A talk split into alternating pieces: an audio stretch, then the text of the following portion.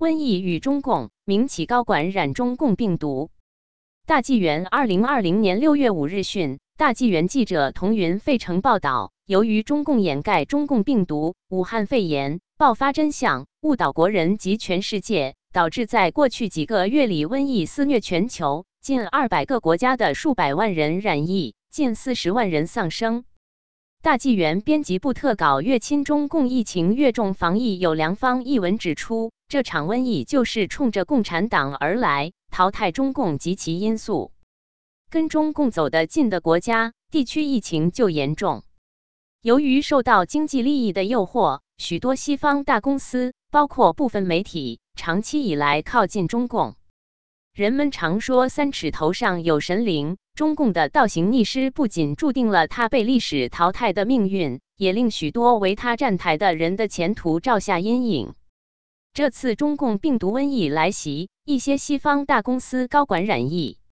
这也许是上天给他们的警讯。上天有好生之德，天理昭昭之下，每个人也在选择自己的未来。NBC 高管染疫。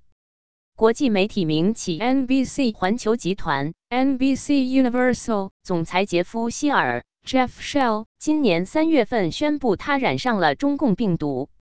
他是今年一月一日刚就任该公司总裁。另据 NBC 新闻负责人安德鲁·拉克 （Andrew Lack） 证实，该公司的音效师拉里·埃奇沃斯 （Larry Edgeworth） 三月份死于中共肺炎。NBC 环球集团成立于2004年，是由 NBC 电视台（美国三大电视新闻台之一）和 Vivendi Universal 娱乐公司下辖 Universal Studio 合并而成的，总部位于纽约。2013年，康卡斯特 （Comcast） 购买了所有的股权，成了 NBC 环球集团的母公司。康卡斯特总部位于费城，是全美最大的有线电视与家庭网络供应商，与中共商业合作。二零一零年十一月二十三日，中共新华通讯社与 NBC 美国国家广播公司与纽约签署了合作备忘录，确定双方在国际电视新闻领域建立多层次的商业合作关系。根据备忘录。中国新华新闻电视网和 NBC 将在电视新闻内容采集、制作和播出以及人员培训等方面进行广泛深入的合作。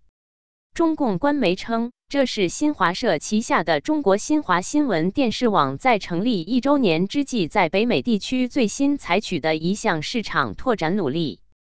除了在网络电视上播放 CCTV 四等中共媒体外，NBC 环球还和大陆合建北京环球度假区，并与阿里巴巴集团于2019年10月宣布达成战略合作，双方共同推动主题公园及度假区的科技应用和数字化体验。北京环球度假区将以阿里巴巴的科技进行园区运营，打造智能化主题公园及度假区目的地。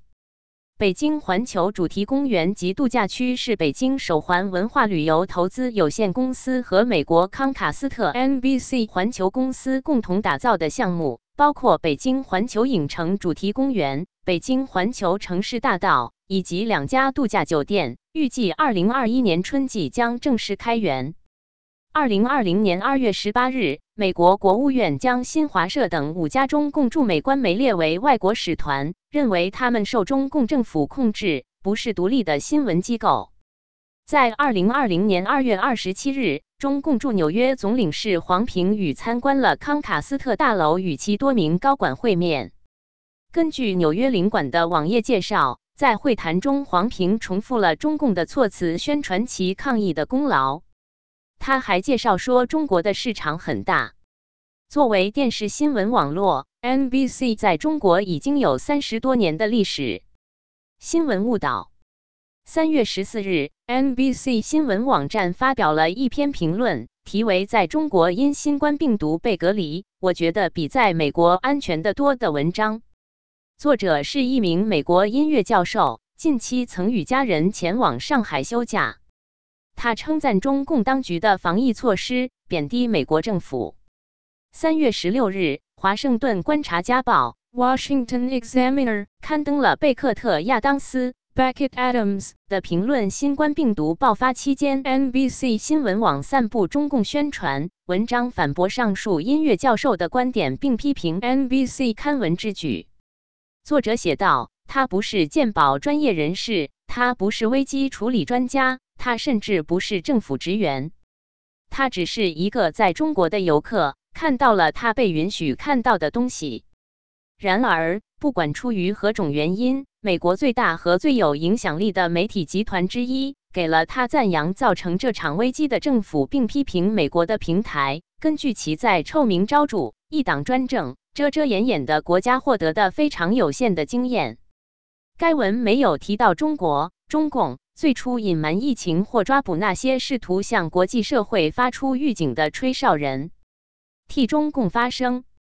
美国媒体监督组织媒体研究中心 （Media Research Center） 的最新研究发现，美国三大媒体 NBC、ABC 和 CBS 的晚间新闻广播节目跟中共病毒相关的总播出时间长六百三十四分钟。一月十七日至三月十三日之间，批评中共政府的内容只有三分钟十四秒，不足百分之一。在很大程度上，这三家媒体在疫情问题上规避对中共的批评。美国总统川普特朗普周五五月一日上午在推特发文说，康卡斯特和 CNN 电视台正在竭尽全力说中国、中共的好话。他们是中国、中共的傀儡，想在那里做生意。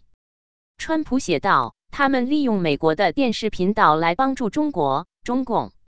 人民的敌人。”多家大公司高管染疫。Booking Holdings 总裁格伦·福格尔 （Glenn Fogel） 于三月二十五日也开始出现中共病毒感染的症状，他的妻子与女儿也相继感染。该公司下辖 Priceline 点 com、OpenTable 和 Kayak，是交通旅游订购的大型公司。该公司在德拉华州注册，其收入的百分之九十来自于美国国外。二零一八年，在中国投资超过十亿美元，以资助出租共享公司与消费订购业务。但是这些并没有带来好运。在中共病毒到来之后，Booking Holdings 在二零二零年第一季度就损失了近七亿美元，一年前同期的利润是七点七亿美元。截止到五月七日，股票已经下跌了百分之二十一。摩根士丹利 （Morgan Stanley） 总裁詹姆士·戈尔曼 （James Gorman） 也于三月份感染中共病毒。戈尔曼在二零一七年十一月被 CNBC 采访时大谈中国前景如何好。除了直接和大陆合作外，摩根士丹利资本国际公司 （MSCI） 推出的全球（不含美国）可投资市场指数 MSCI All Country World X US Investable Market Index 将其投资组合的百分之七资金投入中国企业，包括已知的多家目前受到美国多重制裁和出口禁令限制的中国企业，这导致大量外资涌入大陆。编辑责任：袁荣。